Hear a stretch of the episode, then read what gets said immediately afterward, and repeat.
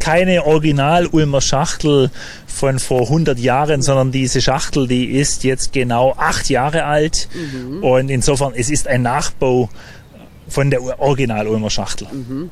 Vor 300 Jahren sind diese Schachtel auch äh, nach der Vojvodina und auch nach Rumänien gekommen und sie waren auch mit diesem Schachtel in Novi Sad. Wir waren mit dieser Schachtel in Novi Sad schon mehrere Male. Oh. Äh, Novi Sad ist eine unglaublich interessante, tolle Stadt, auch für uns. Äh, der Zweck unserer Gesellschaft ist ähm, auch Freund, Freundschaften zu knüpfen, ähm, Leute kennenzulernen und Kontakte zu knüpfen.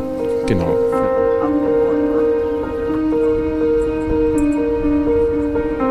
Was bietet Ihnen äh, die Donau hier in Ulm?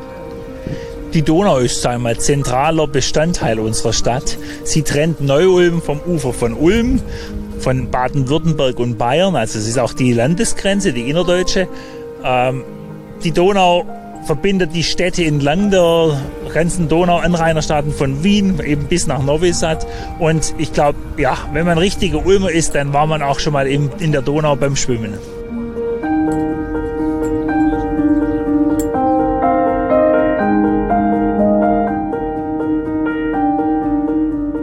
Also wie versprochen, Oliver ist mit dem Schachtel hier in Novi Sad. Ja, habe ich versprochen. Genau, habe ich ja versprochen. Äh, letztes Jahr, wo wir uns gesehen haben. Und es war mir ein Anliegen, dass wir vorbeikommen. Und ähm, ich meine, Andreas Huber und ich und, und ähm, unser Schiffsführer, wir, wir organisieren die Fahrten. Und wir haben gesagt, wir müssen in Novi Sad anhalten, weil ich euch beiden versprochen habe, dass wir kommen. Und mich freut sehr, dass wir uns sehen heute bei dem tollen Tag. Und wie lange Sie sind äh, schon unterwegs? Also die Schachtel ist schon äh, seit zehn Tagen, zwölf Tagen unterwegs. Wir selber sind unterwegs seit vier Tagen und äh, wir sind gestartet in Budapest und ähm, ja, waren in Harta, in Boja, in Osijek, in Ilok und jetzt sind wir heute hier und äh, freuen uns sehr. Und was sind Ihre ersten Eindrücke jetzt in Novi Sad? Ich, unsere ersten Eindrücke sind, dass äh, in Novi Sad natürlich die Donau sehr, sehr breit ist. Ihr habt Strand, ihr habt äh, ähm, einfach von der, Sky, von der Skyline ähm, ist es toll, über die Donau nach Novi Sad reinzufahren. Äh, es, es ist, für mich ist schon das dritte Mal, dass ich hier bin und ich habe sehr, sehr gute und tolle Kontakte auch geknüpft in, in Novi Sad. Und das die Leute an Bord heißen bei uns, wir sind quasi das Schiffsvolk. Also das heißt, wir haben vier, vier Schiffleute an Bord, äh, ein, ein Schiffsführer, der die Verantwortung hat. Äh, dann haben wir einen Kapitän an Bord. Wir sind in, insgesamt äh, 25 Männer. Wir haben keine Frauen an Bord normalerweise. Wir machen keine gemischte Fahrten, äh, weil äh, ja, es ist mal was vorgekommen und ich denke, unter Männern, die Frauen sind auch gefahren von Wien nach Budapest und äh, die Frauen hatten eine tolle Stimmung an Bord und wir haben eine Bombenstimmung an Bord.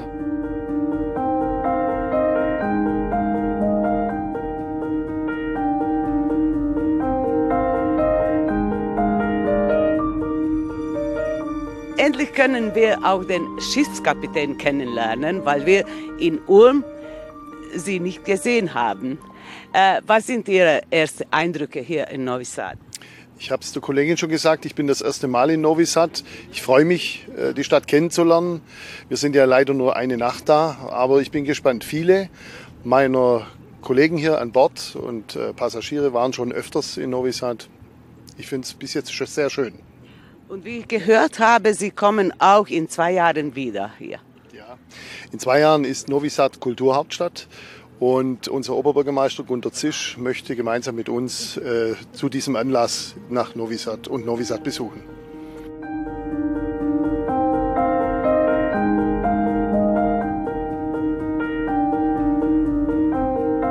Ich habe die Ehre, dieses Jahr diese Reise leiten zu dürfen als Tourguide von Budapest über unsere Stationen bis nach Belgrad. Ja. Und wie gefällt es Ihnen in Novi Sad? Also ich bin jedes Mal beeindruckt. Ich bin zum zweiten Mal hier in Novi Sad. Ähm, und ich war schon vor acht Jahren das erste Mal. Das war schon für mich ein ganz eindrucksvolles Erlebnis. Ja. Ähm, zu sehen, wie sich Serbien entwickelt hat. Mhm. Ja. Und äh, nachdem ich es jetzt wieder sehe, äh, es hat sich schon ein bisschen was getan, hat sich schon verändert. Ähm, es wird was gebaut. Ja. Und ich freue mich eigentlich auf heute Abend, ähm, nochmal durch die Straßen zu gehen, in das Zentrum von Novi Sad. Ich bin der Studioleiter des SWR Studios Ulm und wir sind Teil der ARD. Mhm. Das erste. Ja. Und äh, deine ersten Eindrücke von Novi Sad, wo du schon zum zweiten Mal? Ich bin jetzt zum zweiten Mal da. Ja. Und die ersten Eindrücke, eine junge Stadt, ist viel los, äh, vor zwei Jahren war ich schon mal da und es war sehr, sehr schade, weil wir kamen, nachdem das Exit Festival mhm. zu Ende war. Aber es haben noch Bands gespielt. Mhm. Ich habe einfach festgestellt, äh, äh, das ist äh, irgendwie schon äh, auch ein Zentrum in Serbien der Popkultur. Ja. Junge Leute in der Altstadt, überall ist was los. Das ist cool, coole Stadt. Ja. ja. Und äh, du arbeitest ganz alleine? Ja, ausnahmsweise versuche ich das mit dem Mobile Reporting Set, mit diesem äh, Smart äh, Technology. Und äh, ich, ich schaue mal, was dabei rauskommt. Ja. Ich, ich schätze die Arbeit von Kameraleuten sehr. Mhm professionelle Kameraleute, aber ich bin ja nur Journalist und ich versuche das mal alleine zu machen. Äh, vielleicht klappt das. Aber mit dieser neuen Technologie äh, ich, äh, bin ich guter Hoffnung, dass das funktioniert. Und wann wird es ausgestrahlt? Ich denke mal am Ende unserer Sommerferien zu Hause, Anfang September, glaube ich, dass das ausgestrahlt wird, ja.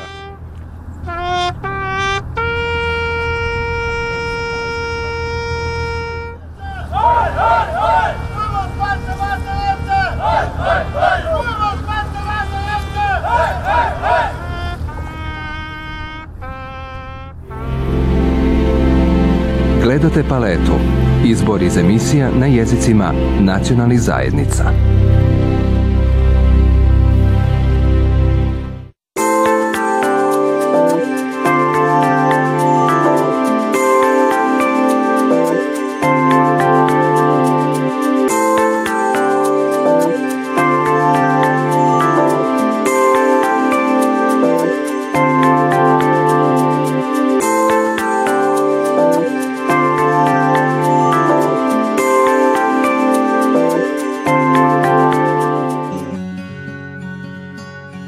Michael Christian und Markus Gollmann sind Nachfahren vertriebener Donauschwaben und es zieht sie ihr ganzes Leben in die alte Heimat nach Budisawa zurück. Markus hat letztes Jahr in Budisawa sogar ein Haus gekauft und ist neulich mit Michael aus Deutschland angereist, um am Haus Renovierungsarbeiten zu verrichten. Wir von den deutschen Minuten kamen zu Besuch. Mein Vater ist hier geboren und aufgewachsen und seine Eltern natürlich auch und die ganze äh, väterliche Seite.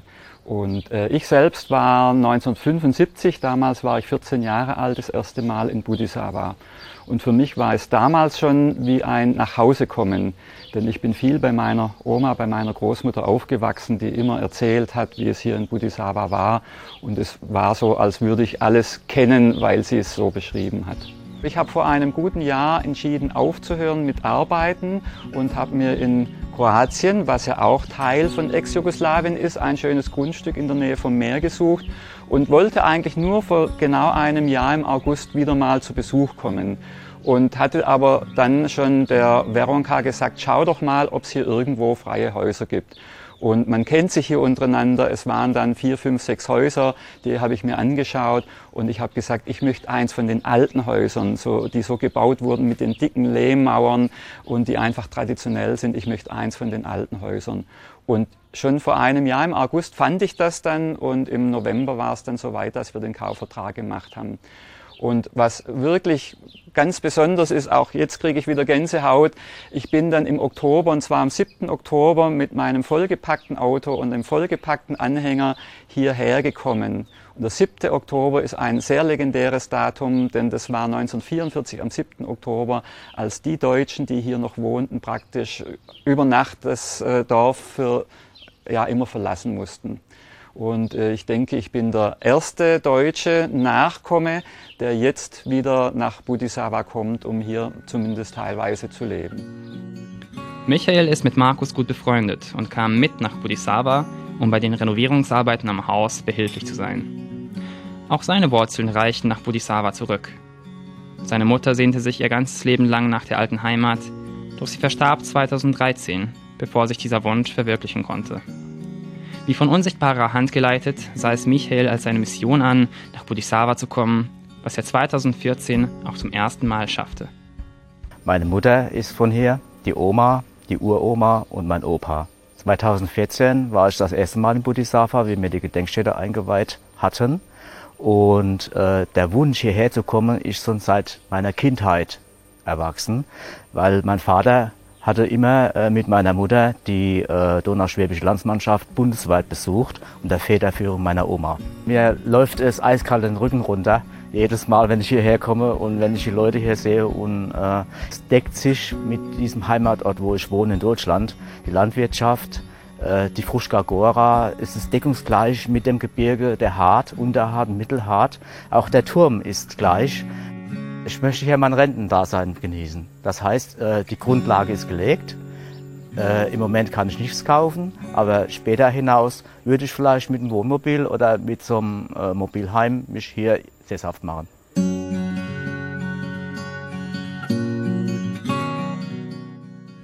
Die Gedenkstätte erinnert wohl am meisten an die donauschwäbische Vergangenheit des Dorfes. Hier sind auch die Namen der Vorfahren von Markus und Michael in Stein gemeißelt vorzufinden eben mit der Einweihung dieser gesamten Gedenkstätte, wo insgesamt 20 Grabsteine, die hier im Dickicht äh, aufgefunden worden sind, kam auch heraus, dass der Originalgrabstein zu unserer Barth-Familiengruft sich dabei befand. An der Gedenkstätte findet man auch einen Stolperstein, in den vier Namen eingraviert sind. Es handelt sich dabei um Michaels Großeltern, seine Tante und seine Mutter. Sie wurden in Deutschland beerdigt und um sie mit ihrer alten Heimat zu verbinden, brachte Michael ihren Namen aus Deutschland nach Bodhisattva zurück. Er nahm auch Heimaterde aus Bodhisattva nach Deutschland zu ihren Gräbern. Ich hatte das Bedürfnis, die Namen zurückzubringen an den Ort, wo meine Vorfahren her sind. Und gleichzeitig brachte ich Heimaterde mit und streuselte die aufs Grab meiner Mutter, meiner Tante und meiner Oma. An der Gedenkstätte trafen wir zufällig auch eine langjährige Bekannte von Markus, die in Bodhisattva lebt und sich darum bemüht, dass an der Gedenkstätte immer Blumen vorzufinden sind. Sie kennt Markus seit 49 Jahren und sie ist auch diejenige, die ihm dabei half, das Haus zu kaufen. Wir haben kennengelernt durch den Großeltern von Markus, weil der Großeltern ist geboren in Bodhisattva. Und äh, wir gekommen nach Deutschland, dreieinhalb Jahre haben gearbeitet und genau neben der Markus Oma gewohnt. Freundschaft ist immer noch, auch mit dem Markus Bruder und der Schwester und der ganzen Familie Gollmann. Obwohl Markus Gollmann und Michael Christian weit entfernt von Bodhisattva aufgewachsen sind, hat sich das Dorf tief in ihren Herzen verankert. Und obwohl die donauschwäbische Geschichte von Bodhisattva 1944 ein abruptes Ende fand, bildet sich hier aus den Splittern der Vergangenheit langsam wieder ein Stück donauschwäbische Zukunft. Gledate paletu. Izbor iz emisija na jezicima nacionalnih zajednica.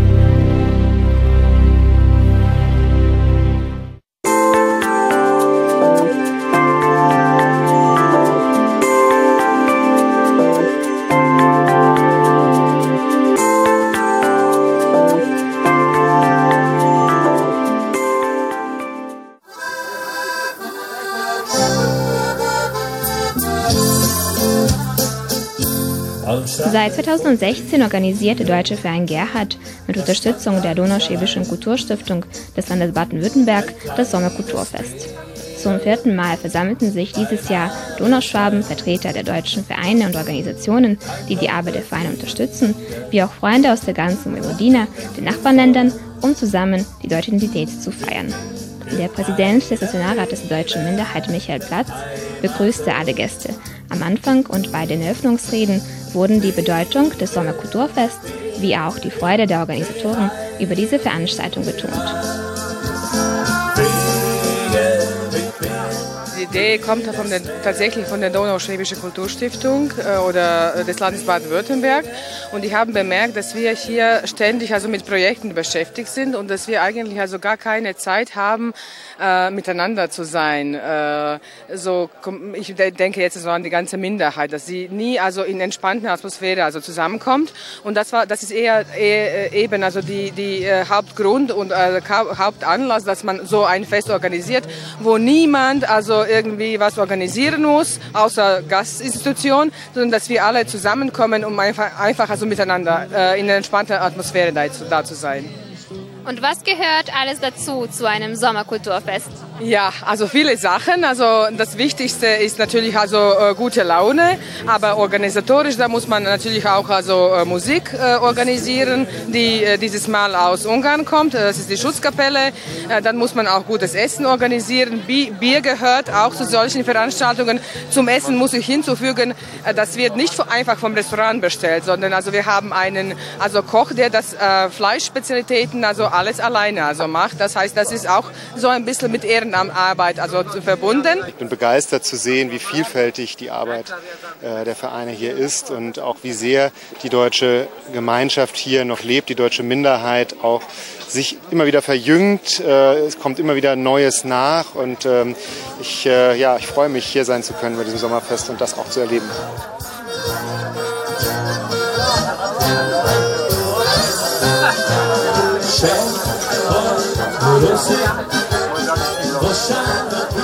Wir sind sehr froh, dass also viele Vereine in der Vojvodina aktiv sind, die deutsche Minderheit zu stärken, vor allem im Sprachunterricht, in der Arbeit mit Jugendlichen, mit Kindern, im Spracherwerb und versuchen das natürlich nach Möglichkeit auch zu unterstützen. Die Zielgruppe ist die deutsche Minderheit. Also alle Vereine sind eingeladen aus, aus Serbien, aber nicht nur aus Serbien, sondern auch aus umliegenden äh, Ländern. Äh, vor allem also Kroatien und Ungarn, deutsche Minderheit auch, mit denen wir sowieso zusammenarbeiten. Äh, dann natürlich auch Nationalrat, also die Leute, die im Rahmen der deutschen Minderheit engagiert sind. Äh, das sind die äh, Empfänger der humanitären Hilfe oder die Verteiler der humanitären Hilfe und natürlich also Deutschlehrer, also ohne Deutschlehrer also läuft es nicht. Und äh, wichtig zu sagen, und ganz großer Teil ist die Partner der deutschen Minderheit.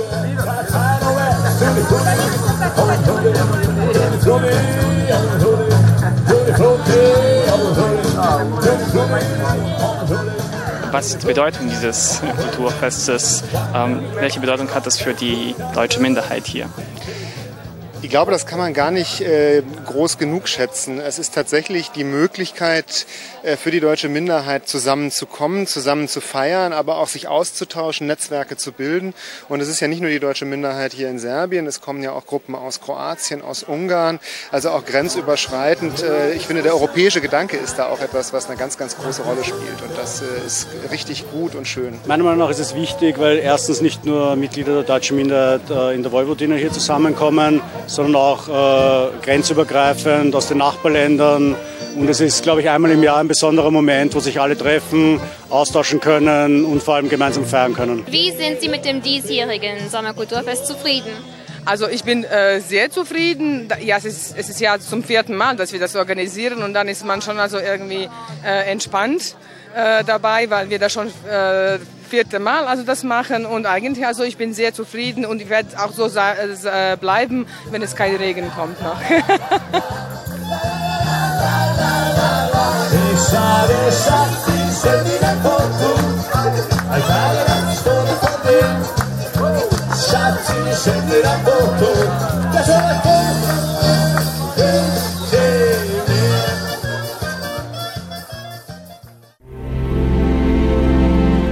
Gledate paletu.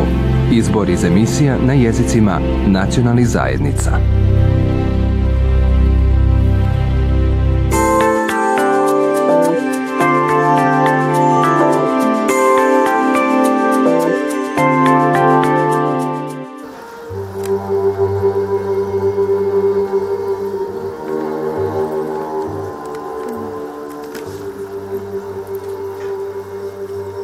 Lehrer suchen immer nach neuen Möglichkeiten, um den Unterricht interessanter zu gestalten. Vor allem junge Schüler sitzen nicht gerne auf einer Stelle. Also Bewegung, Spiel und Lernen mit Theaterspielen kann der Unterricht spannender und unterhaltsamer werden, für die Schüler und für die Lehrer auch.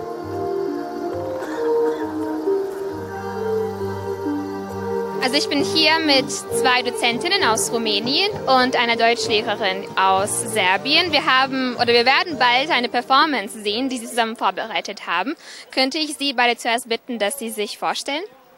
Ich heiße Kata Bartalis, eben aus Klausenburg, bin Theaterpädagogin und Dozentin an der Uni Babelsburger Universität. Mein Name ist Mirona Stanescu, unterrichte so wie Kotto an der Babelsburger-Universität in Klausenburg und meine Schwerpunkte sind tatsächlich Theaterpädagogik und Kinderliteratur an, der, an dieser Universität. Die Performance ist eigentlich das Resultat eines Workshops. Können Sie uns erklären, wie dieser Workshop ausgesehen hat? Das waren ein paar Tage, wirklich zweieinhalb, äh, kamen wir zusammen und äh, im Rahmen einer Fortbildung, eigentlich Lehrerfortbildung, ähm, haben wir die Basiselemente der Theaterpädagogik ähm, angeschaut, ausprobiert, ähm, Methoden kennengelernt und anhand dessen ist dann wirklich im letzten Moment sind wir dann zu, zu einem Stück gekommen, was wir heute auch präsentieren werden. Haben Sie diesen Workshop auch anderswo ausgeführt, außer jetzt hier in Serbien? Ähm, wir sind jetzt zum zweiten Mal in Serbien. Wir waren auch letztes Jahr zur selben Zeit sozusagen und arbeiten immer wieder gerne mit diesen Lehrern und wir haben unterschiedliche Schwerpunkte. In diesem Jahr jetzt Inszenierung eines Gedichtes, Dies, diesmal von Goethe, den Zauberlehrling werden wir spielen, äh, Sprecherziehung und Bewegung und Musizieren für den Deutschunterricht. Wir äh, arbeiten aber tatsächlich oft auch äh, theaterpädagogisch und haben auch sonst äh, öfters theaterpädagogische Workshops. Das Seminar Verbindung von Sprachförderung und Theaterarbeit fand in den Räumlichkeiten des Vereins Gerhard in Sombor statt. In wenigen Tagen konnten die Deutschlehrerinnen, die im Seminar teilnahmen, über die ästhetische und theaterpädagogische Bearbeitung von Gedichten lernen, über Improvisation und Inszenierung im Deutschunterricht.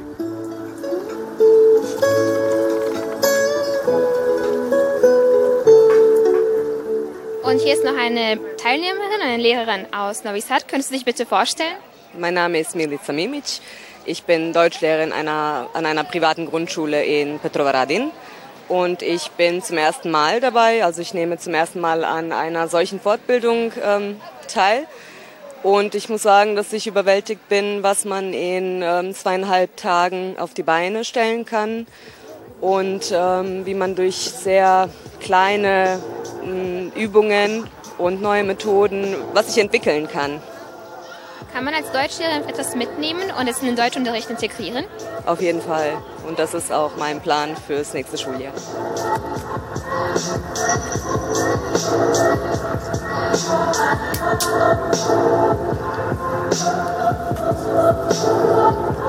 Musik